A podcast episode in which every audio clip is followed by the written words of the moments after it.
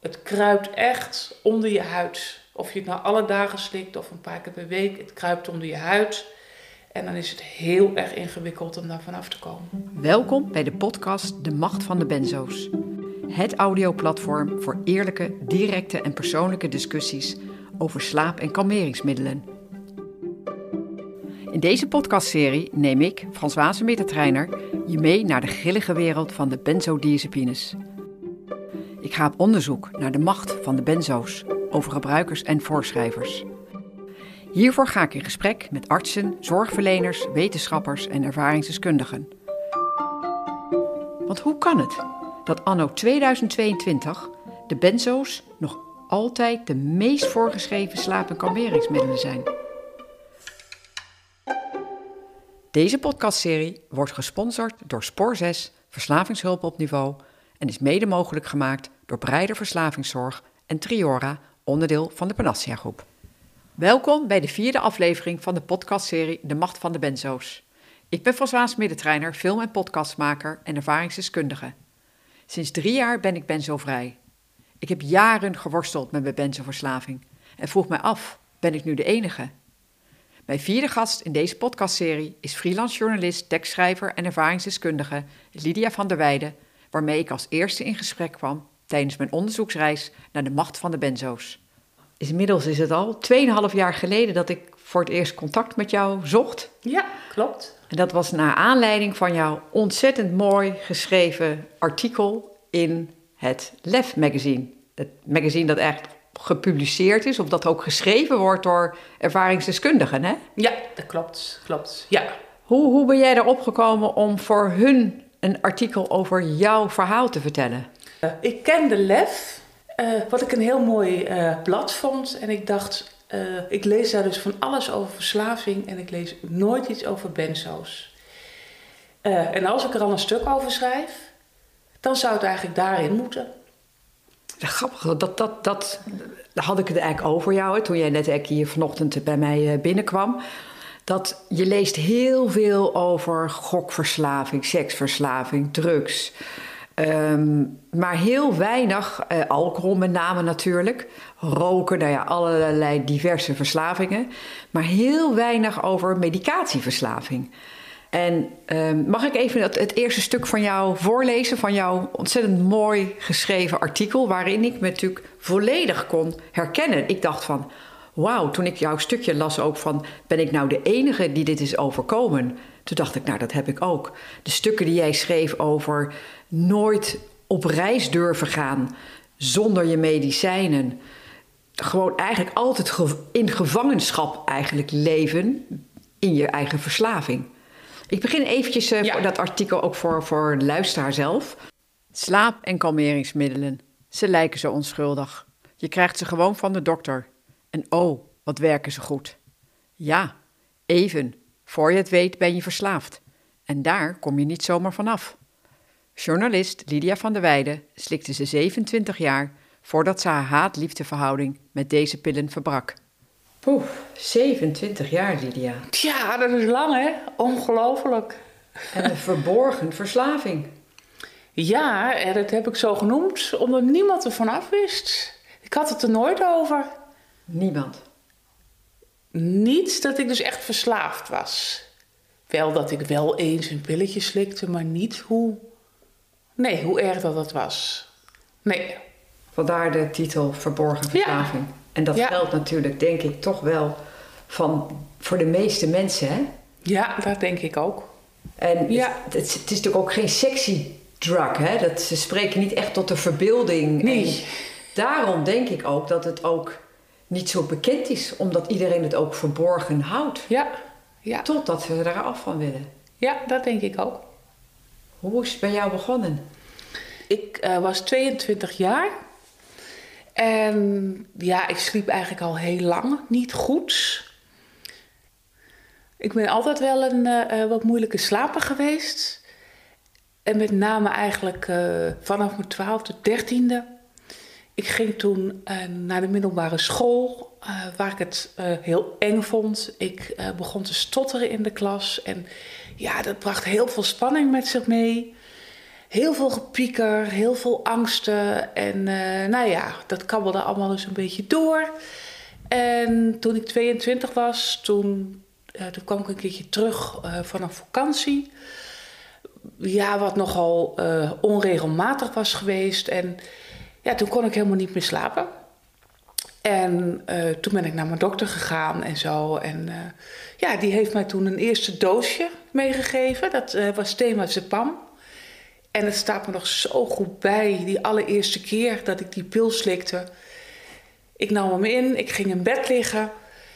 En ik voelde me zo ontzettend lekker rustig worden. En hè, ja, met al mijn stress en angsten altijd. Ja, het was ontzettend lekker om die pil in te nemen. Rustig te worden en zo heerlijk in slaap te vallen. Dus ja, ik vond het zalig die eerste keer. Lekker slapen met een pilletje. Heerlijk. Zoals je erover praat, is het eigenlijk alsof het een soort drug voor jou was. Ja, dat was het op een bepaalde manier ook, ja. En denk je dat eigenlijk dat het ook voor vele mensen... Want gisteren las ik een ander artikel over ook een, uh, iemand die dus aan de benzo's verslaafd was geweest. En die schreef ook eigenlijk van, ze zei... ook de jongere mensen nu gebruiken het als een soort fun, als een soort vervanger van ja, ecstasy. Alleen het geeft een soort andere. Ja, ik heb nog nooit zelf uh, ecstasy geslikt. Maar het geeft waarschijnlijk een soortzelfde effect. Ja, en denk je niet dat zij dat dus met name slikken Nadat ze dus bijvoorbeeld uh, kook gebruiken of uh, speed. Zeker, zeker. Dat ze dus daarna slikken. Ja, dat weet ik zeker. Want je bent dan zo wakker, zo hyper, zo, en dan kunnen ze niet slapen. Ja, dus dan gooi je ze er nog maar eens een keer een, een benzo uh, eroverheen. Uh, maar het was voor mij al wel... Kijk, ik heb ook gedronken en gerookt, et cetera. Maar ja, ik denk echt dat de benzo's dat was voor mij dus echt het middel om uh, verslaafd aan te raken. Omdat het dus echt iets voor me deed. Wat ik heel prettig vond. Ja. Dat ik er wat rustiger uh, van werd. Ja. Uh, en dat ik dus controle kreeg over mijn slaap. Omdat ik anders toch ook wel vaak lang wakker lag. Lang lag te piekeren over dingen. Dus ja, het was heerlijk. Ja. Was je bewust van de mogelijke bijwerkingen van de benzo's. Ik bedoel, wist jij dat je het eigenlijk maar mocht vier tot zes weken maximaal mocht gebruiken? Ja, want het heeft mijn dokter eigenlijk dus altijd dus meteen al wel gezegd. Ja. Ik heb het ook nooit uh, uh, uh, alle dagen toen geslikt. misschien de eerste paar weken wel, maar daarna niet meer. Eigenlijk heb ik inderdaad altijd dus wel heel erg lang dus opgelet dat ik het uh, niet elke dag slikte. Uh, uh, en daardoor dacht ik ook van, ja, dat zal het wel meevallen met die verslaving. Als ik gewoon zelf oplet dat ik het niet elke dag slik, ja, dan is er niks aan de hand. En wanneer werd je er bewust van dat je dus ook, dat je inmiddels gewoon ook medisch afhankelijk van de benzo's was geworden? Je was verslaafd. Ja, maar het duurde toch een hele tijd. Het is misschien ook nog wel leuk om te vertellen. Um, ik kreeg ze dus altijd van uh, mijn eerste huisarts. Die schreef me er dan dus 30 voor en ja, daar deed ik dan een maand of drie mee. Nou, uh, dat is een paar jaar is dat dus goed gegaan. Ik woonde in Amsterdam inmiddels. Ik kreeg een andere huisarts. Daar was ik dus voor een herhaalrecept. Ik zat er in de wachtkamer. En uh, toen kwam hij dus uit zijn spreekkamer en toen zei hij van... Kom jij? Ja. Uh, kom jij eens even binnen? Ik wil je even spreken, want uh, dit is niet zo onschuldig. Nou, ik was boos. Ik was chagrijnig. Ik zei het niet tegen hem. Uh, dit was trouwens een jonge huisarts. En ik kreeg het dus altijd wel, dus van, van een wat oudere huisarts. En toen dacht ik meteen van, nou, ik ga het dus niet meer vragen uh, bij de jonge huisarts. Ik ga wel gewoon naar die oude toe. Dus ik ben dus echt dus wel gewaarschuwd. Maar ik dacht zelf van ja, dat zal, ja, het zal toch allemaal wel meevallen. En ook, kijk, uh, dan kunnen ze natuurlijk zeggen, uh, je raakt verslaafd. Maar dan denk ik, ja, nou en? dan raak ik maar verslaafd als het mij helpt. Dus ja, ik zat daar helemaal niet mee. Ik kon helemaal niet bevatten wat het echt was. En wat het met je deed. Ja, Ja. inderdaad. En wat het met me deed. Maar ik heb toen wel, ik was een jaar of dertig. Toen slikte ik het ondertussen dus wel heel vaak. Ik had allerlei manieren om dus aan die pillen te komen. Ik kreeg ze van mijn eh, toenmalige schoonmoeder. Ik troggelde ze af eh, van mijn oma, die ze slikte. Ook mijn moeder, die had ze wel eens. Ja, ik had dus allerlei manieren om ze dus wel te verzamelen. Eh, maar toen was er dus wel een moment dat ik dacht, nou ja, ik slik wel heel veel. Hoeveel slikte je toen, eh, rond je dertigste? Nou, ja, ik slikte niet eens zoveel, maar ik slikte dus wel dus alle dagen. En toen dacht ik, eh, daar moest ik eens mee stoppen. Maar je had nooit meer nodig. Ik bedoel, hoeveel, wat gebruikte je elke avond dan? 10 Ja. milligram, 20? Ja, dat was toen eh, nog een enorme mix. Eh, ik eh, herkende mij dus ook heel erg hè, in wat jij zei. Ja, dus in het eeuwige onderhandelen. Elke dag denken van, zal ik wel, zal ik niet? Hoeveel dan? Hoeveel heb ik nog in huis? Moet ik een beetje zuinig zijn? Zal ik er maar een halfje nemen? Oh, dus het is precies herkenbaar. Ja. Geonderhandeld zoals je eigenlijk met een Ja. glaasje alcohol hebt. Van Ja. vanavond ga ik niet drinken. Dan neem ik een, één, vanavond maar één glaasje. Dan een paar dagen niet. Maar dit weekend ga ik uit. Dus dan neem ik eh, wel een paar glaasjes. Ja, echt vreselijk. Ja, inderdaad. Ook denken van nou, hè, eh, nu mag het niet. Ja, dan mag het morgen dan weer wel. Of ja, hè, ik ga dan eh, eh, dit en dat doen. Dus ja, hè, eh, dan... Inderdaad, dus altijd dus aan het onderhandelen en daarmee bezig. Ja. Maar Lydia, ik las in jouw artikel dat je die pillen, of de benzo's natuurlijk, niet alleen bij je schoonmoeder en bij je moeder eh, en bij je oma haalde, maar ook op het internet volgens mij. Ja, dat klopt. Ik denk dat ik een jaar of dertig was toen eh, de pillenkraam echt wel dichtging eh bij mijn dokter. Daar kreeg ik het niet meer van. En toen was het dus een tijdje dus wel mogelijk om het eh, via internet eh, te gaan bestellen. Via een beetje duistere sites. Tot dat dus ook niet meer kon. Toen heb ik ook wel iemand gevonden via Marktplaats. Die, ja, eh, dan dus op de een of andere manier dus aan die pillen kwam. Eh, dan reisde ik af naar eh, Den Haag. Ja, en dan stond ik dus in een van de duister trapportaal. Ja, dan stond ik daar dus van die pillen te kopen. Vier doosjes van 120. En ja, dan dacht ik, nou ja, dan kan ik gewoon weer een hele tijd voort. Want toen slikte ik het dus altijd dus nog maar eens. Ja, dan slikte ik het, eh, mm, ja, ik denk iets van drie keer in de week of zo. Twee à drie keer in de week. Dus nou, hè, eh, dan kon ik weer een hele tijd voort dan met die pillen. En ik heb ook zelfs een keer meegemaakt. Ja, dat vind ik achteraf eigenlijk echt wel, echt wel heel shocking. Ik was op vakantie in Vietnam. Was in 2007. Daar kon je de benzo's dus gewoon zo kopen. Eh, dat ging om valiums. Heel erg goedkoop ook nog. Ik geloof dat die maar, ja, die waren eh, maar 5 cent per stuk of zo. Dat, die, dat is de diazepam, toch? Het Ja, over hebt. inderdaad. Ja. eh, De diazepam. En eh, niet heel veel tegelijkertijd in allerlei apotheken. Maar ja, ik ben echt zeg maar ja, wel iets van acht apotheken afgelopen.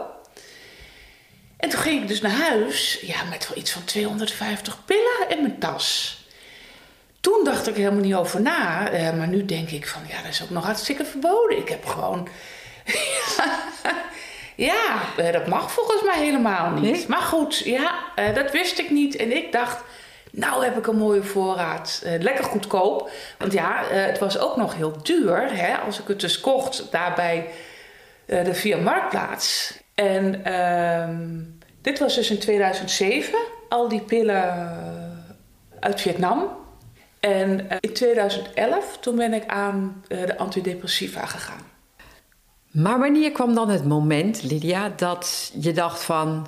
Oké, nu moet ik er echt vanaf. Eh 2014. Eh, toen kreeg ik een burn-out. En in het jaar daarna, en in het jaar daar nog weer na, Toen werd ik mij dus heel erg bewust van mijn verslaving aan de benzo's. Ehm, ik ging namelijk een heel regelmatig leven leiden. Ik stopte met alcohol, ik stopte met roken. Ik lag, uh, ja, ik lag elke avond op hetzelfde tijdstip in bed. Ik ging heel gezond eten. Ik stopte ook met koffie. Ja, dat lukte dus allemaal. Hè? Ja, ik kon mijn leven ja, zo op poten zetten zoals ik uh, dat wilde. Uh, ik werkte altijd heel hard. En daar kon ik dus zelfs mee stoppen uh, met mijn werkverslaving. Maar die pillen, daar kwam ik maar niet van af. Ik sliep niet als ik ze niet innam. Ja, en ik merkte, ja, dat. Ik heb wel eens gedacht van nou, hè, ik ga nu gewoon drastisch minderen. Ja, en dan voelde ik me zo slecht dat dat gewoon niet lukte. Dus het was in 2016 of 2017. Toen begon het me dus heel erg dwars te zitten. Dat ik dacht, ja, ik heb nu zo'n gezonde levensstijl. Ik voel me ook eigenlijk gewoon heel goed. Maar uh, ik zit nog steeds met die twee pillen elke avond. Ja, daar kom ik niet vanaf. Maar ja, die wil ik niet. En die pillen, uh, Lydia, kreeg je dus van de psychiater gewoon voorgeschreven. Die kreeg ik inderdaad van de dus psychiater. Dus eigenlijk later ben je een beetje verslaafd geworden op recept. Ja, dat klopt.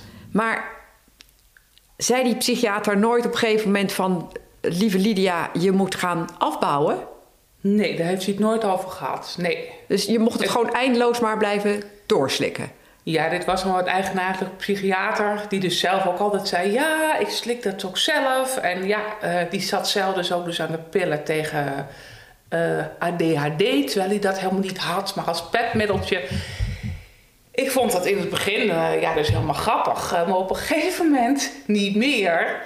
En ik dacht van ja, ik wilde wel vanaf, maar ja, ik had wel in de gaten van ja, ik moet het zelf doen. Ja, en toen was ik trouwens ook alweer bij hem weg, geloof ik. En ja, toen kreeg ik het dan weer dus van mijn huisarts die het voorschreef.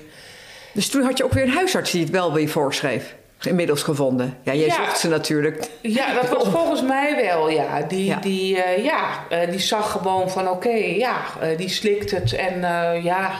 Ja. En wanneer kwam dan het moment dat jij dacht van, dan ga ik afbouwen? Nou, dat kwam dus echt vanuit mezelf, hè, omdat ik dacht van ja, ik heb nu eigenlijk zo'n gezonde levensstijl. Het gaat zo goed met mij. dit past helemaal niet meer bij mij. Uh, want vroeger altijd, ja, die verslaving. Ik dacht, nou ja, pech gehad. En dan ben ik maar een beetje verslaafd. En ja, als het slecht is. Of ja, er zijn zoveel dingen slecht, weet je wel. Ja, ja ik dacht altijd een beetje uh, van dat soort dingen. Nu had ik dus een veel bewustere levensstijl. En ik dacht, ja, die pillen, uh, dat past niet meer bij mij. Dus... ehm ik heb toen een aantal pogingen gedaan om het dus zelf dus af te bouwen. Dat lukte niet. Ik merkte dat ik me dan echt heel erg slecht ging voelen. En dat was het moment dat ik dacht van jeetje, wat slik ik eigenlijk? Laat ik me daar eens uh, in gaan verdiepen. Ja, en hoe kan ik hiervan afkomen? Hoe kan ik dat gaan aanpakken? En hoe kan ik daar ook hulp bij vragen? En wat gebeurde er toen? Want in, in jouw artikel beschrijf je dus die hele reis dat je op een gegeven moment dacht van oké, okay, what's happening here? Ben ik nou de enige die zoveel moeite heeft om hiervan af te komen? En toen ben je echt alles gaan onderzoeken, hè? Vertel eens. Nou, het begon dus eigenlijk. Ik dacht, uh, ik moet hier vanaf. Hoe kan ik het aanpakken? Het lukte mezelf dus niet en toen heb ik me eens opgegeven bij een uh, verslavingskliniek. He, want ik denk, die kunnen mij misschien eens gaan helpen. En uh, ik heb daar één gesprek gevoerd bij een man die op zich hartstikke aardig was. Maar ik merkte meteen, hij weet niets van benzo's.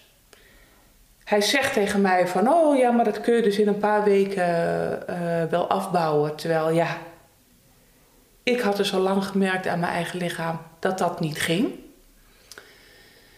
Hij wilde mij dus in een schriftje dus allerlei dingen dus laten opschrijven van ja en wanneer krijg je trek, et cetera. Maar toen, toen was dat hele onderhandelen dus al klaar. Ik zat op een hele stabiele dosis. Ik deed helemaal geen gekke dingen meer. Het was helemaal niet zo dat ik het nam omdat ik ja, omdat ik me dus niet kon beheersen en dacht: oh, ik moet zo'n pil hebben. Ja, dat was helemaal niet wat er speelde. Ik merkte dus zo, zo ontzettend aan mezelf dat ik uh, fysiek verslaafd was. En, waar, en, waarin uitte dat zich, dat, die fysieke verslaving waarin je achterkwam? Uh, wat kreeg je? Wat waren de symptomen? Ik kreeg hele rare tintelingen in mijn lichaam. Net alsof ik uh, met allemaal naalden werd geprikt. Ik werd een beetje zweverig in mijn hoofd. Ik werd uh, wat zweterig. Ik uh, kreeg kippenvel op mijn hoofd. Ja ik, ging, ja, ik kreeg hele gekke klachten. Het was niet eens dat ik niet sliep. Ik sliep ook niet goed. Ik sliep licht. Ik kreeg hele rare dromen. Ja, ik had ook overdag gewoon hele rare klachten. Als ik dus in mijn eentje afbouwde. Hè? Dus ik dacht, ja, daar wil ik dus hulp bij. Eh, maar dat was er niet. Ik kwam dus nergens iets tegen. Ja, ik vond geen hulp. En dat gaf mij het gevoel. Ben ik hier de enige in? Ja, ik voelde me, ja, ik voelde me heel eenzaam. Nou, toen kreeg ik een enorme drive. Ik wil hier alles over weten. Ik wil weten waar ik aan verslaafd ben. En ik wil weten hoe ik dit kan aanpakken. Ik wil met uh, de deskundige van Nederland praten. Die was ik dus tegengekomen op internet, Erik Paling. En ik dacht van, hoe kan ik dat nou doen? Ik moet er een artikel over schrijven. Ik moet mijn werk inzetten ja, om hier uh, grondig onderzoek naar te doen. En om mijn strijd uh, vast te leggen. Ja, omdat ik dat dus nergens tegenkwam. En omdat ik dus ook altijd dus het, het, het uh, cliché dus tegenkwam van ja, dit zijn een beetje labiele, ja, zijn een beetje labiele oudere huisvrouwen. Uh, die zijn verslaafd geraakt en ja, die zitten dat te slikken. En ja, die zitten ook een beetje aan de sherry thuis. En, en die komen er toch niet vanaf. Ja, een beetje Mother's Little Helper hè? Van, van de Rolling Stones. Hè? Zo is het natuurlijk ooit ontstaan. Ja. Maar grappig inderdaad, is, is, daar wordt best wel, er zit best wel een stigma op. Uh, ik sprak dus laatst ook wel met iemand en die zei... Ja, of, of ik las, het grotendeels vrouwen... Uh, laag opgeleid. Toen ja. dacht ik, laag opgeleid. Ik ontmoet eigenlijk alleen maar vrouwen die allemaal... Sterker nog, hele topbanen hebben, maar die dus inderdaad door de stress, de spanning, die natuurlijk een beetje ook in onze maatschappij zit, het slikken. Maar het zijn zeker niet alleen laag opgeleide vrouwen. Want ik, het zijn ook, ik heb nu ook inmiddels natuurlijk verschillende mannen gesproken die eraan verslaafd zijn geraakt. Klopt, klopt. Ja, dus inderdaad, uh, dat standaardbeeld, ja, uh, daar herkende ik mij helemaal niet in. En ik herkende mij dus niet in het beeld van uh, uh, de psychisch verslaafde. Hè, van ja, uh, ik moet die pillen hebben. En dus ja, daarom heb ik die hele zoektocht, die ben ik gestart. En ik ben dat artikel gaan schrijven. Ja, dat is dus ook dus een enorme steun geweest. Um, ik kreeg heel fijn contact met de hoofdredacteur van LEF. Jolande Bastiaans. Ja, en daar heb ik dus ook heel veel steun aan gehad. Want zij zei van Ga dat artikel schrijven als je er helemaal klaar mee bent. Dus ja, dat was een extra drive om dat eens door te gaan zetten. En ik heb echt, ik heb dus ontzettend goed, ben ik dus naar mijn eigen lichaam uh, uh, gaan luisteren. Ik uh, vertrouwde niemand daarin. Ja, ik dacht alleen ik kan dus zelf bepalen hoe ik moet afbouwen. Ja, en ik voelde dat dat heel, heel erg langzaam moest. Veel langzamer dan wat ze uh, vaak voorschrijven en wat bij jou dus wel goed ging. Uh, dat ging bij mij dus niet, omdat ik echt hele rare fysieke klachten kreeg. En ik weet zeker dat als ik heel snel was afgebouwd, ja, dan was ik helemaal ingestort. Terwijl, ja, uh, ik had een hele drukke baan, ik heb een heel leven, ik, ik, ja, hè, ik wilde gewoon blijven leven. Dus ja, ik heb er dus acht maanden over gedaan. En toen was ik uiteindelijk vanaf. En hoe voel je je nu in vergelijking met voor, toen je nog benzo slikte? Wat, waarin merk je het verschil? Nou ja, wat dus zo ontzettend grappig is. Ja, of grappig. Ja, het is natuurlijk helemaal niet grappig, maar goed. Uh, ik dacht altijd dat ik dat dus moest slikken om uh, goed te kunnen slapen.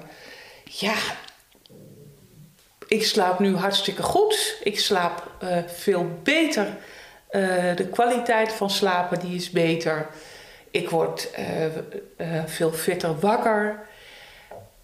Ehm, ja, ik kan er veel beter tegen als ik weinig slaap. Ik weet nu pas, en dat is ook iets wat ik dus al die 30 jaar gewoon eigenlijk dus niet wilde zien. Ja, dat er natuurlijk allerlei bijverschijnselen zijn.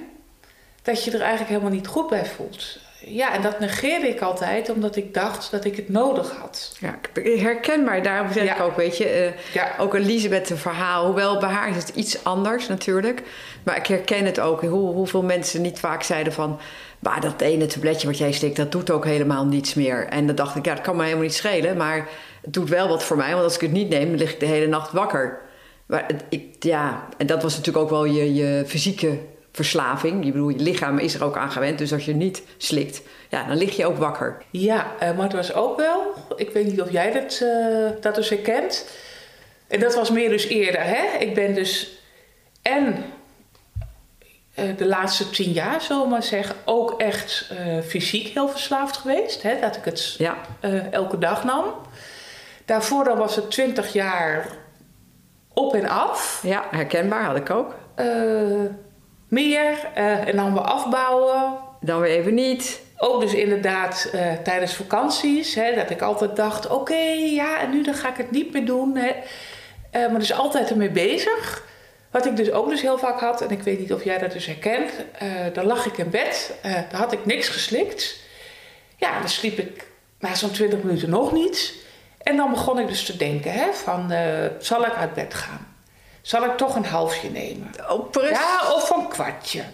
Zal ik wel of niet? Nee, dat doe ik niet. Ja, en dan lag ik uh, nog weer tien minuten. Ja, en dan stond ik er weer. Ik hoor. precies zelf. En dan stond ik daar bij het kastje.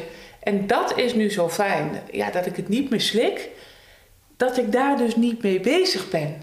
Je hebt nooit meer... Je bent vrij, hè? Je, ja, ik voel me inderdaad vrij. Ja. En ik had dus vroeger ook, hè, toen ik ook toen ik fysiek dus nog niet zo, uh, niet zo verslaafd was, hè, uh, maar dat ik het dus af en toe slikte, en dan zou ik dus nooit op vakantie gaan zonder die pillen.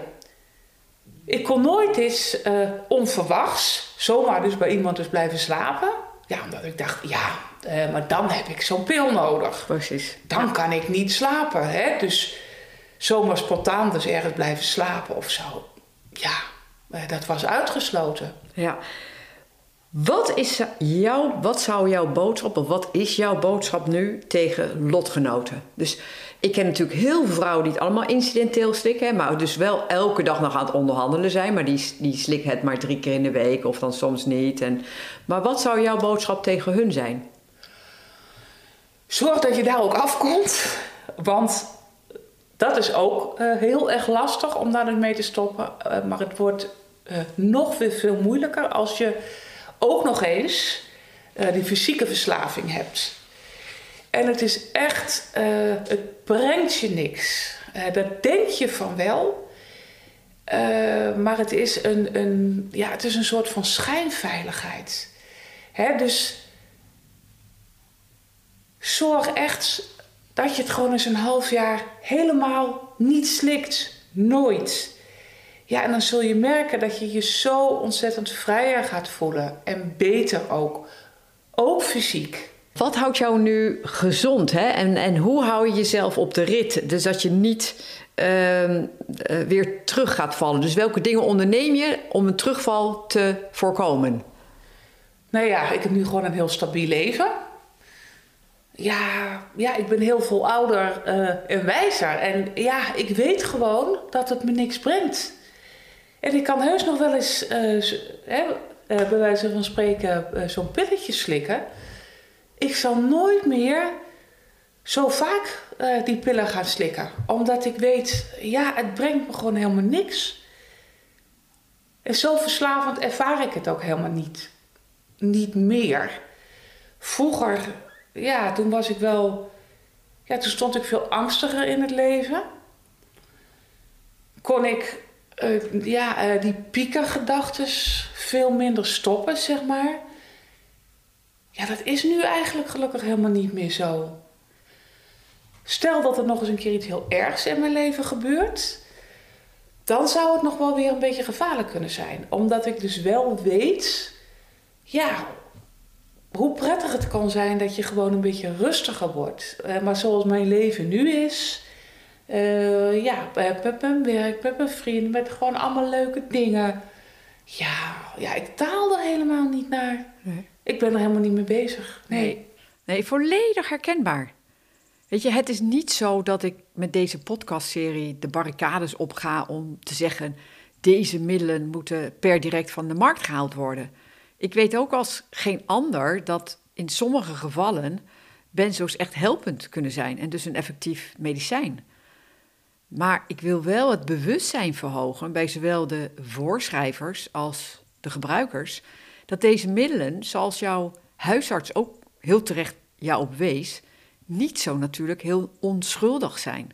Weet je, benzo's geven gewoon heel veel bijwerkingen. En dan maar niet te spreken over de hele nare ontwenningsverschijnselen die men krijgt als men wil stoppen met die benzodiazepines. En jij weet dat natuurlijk als geen ander, dat die heel heftig kunnen zijn. Ja, en dat... is inderdaad heel heftig. Sowieso denk ik dat, uh, dat artsen heel erg uh, moeten oppassen bij een eerste receptje, wat ze dus voorschrijven. Als ik dat eerste receptje niet had gehad, ja, dan was het, ja, dan was het misschien dus bij mij dus heel anders gelopen.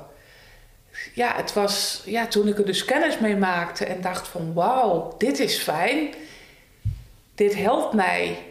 En ja, toen kreeg ik het inderdaad dus van de dokter. Ja, en dan denk je toch van nou, ja, ik kreeg het van de dokter. Ja, dan kan het niet zo ernstig zijn. En dan zeggen ze wel van ja, uh, daar kun je verslaafd aan raken. Maar ja, wat weet je daar nou van? Eigenlijk weet je gewoon helemaal niet uh, wat dat inhoudt. Ik wist dat niet. Ja, ik onderschatte dat heel erg. Ik dacht, oh ja, dat overkomt me niet. Ja, en dan brengt het je iets. Ik denk dat ze heel erg uh, terughoudend moeten zijn uh, met het voorschrijven. En mensen die het uh, zo af en toe gebruiken, hè, of, of ja, die dus net dus in een fase zijn zoals wij, met ja, dat onderhandelen af en toe onderschat gewoon niet wat een enorme troep dat het is. Want uh, je stopt er uh, uh, niet zomaar mee. Ik dacht altijd, oh, er komt een dag, dan word ik ochtends wakker en ja, dan heb ik er gewoon geen zin meer in. maar dat is niet zo. Het kruipt echt onder je huid. Of je het nou alle dagen slikt of een paar keer per week, het kruipt onder je huid. En dan is het heel erg ingewikkeld om daar vanaf te komen. Dat zouden mensen veel meer moeten weten. Dankjewel voor dit gesprek en jouw ervaringen te delen in deze podcast. Ja, nou heel graag gedaan. Je luisterde naar de podcast De Macht van de Benzo's in gesprek met Lydia van der Weijden. Klik op de volgbutton, dan blijf je op de hoogte. Over twee weken is er weer een nieuwe podcast. In deze aflevering is mijn gast Arnd Schellekens, hoogleraar verslaving en psychiatrie. In deze podcast vertelt hij over zijn wens de samenwerking tussen verslavingszorg en de psychiatrie te verbeteren. Benzodiazepines kunnen zijn ogen wel een probleem zijn, maar hij vindt ze ook effectief. Bij elke ontwenning vindt hij ze zelfs noodzakelijk en hij schrijft hij ze dus ook voor aan zijn patiënten. Hij benoemt helder het verschil tussen verslaving en medische afhankelijkheid. Dus blijf luisteren. Tot over twee weken.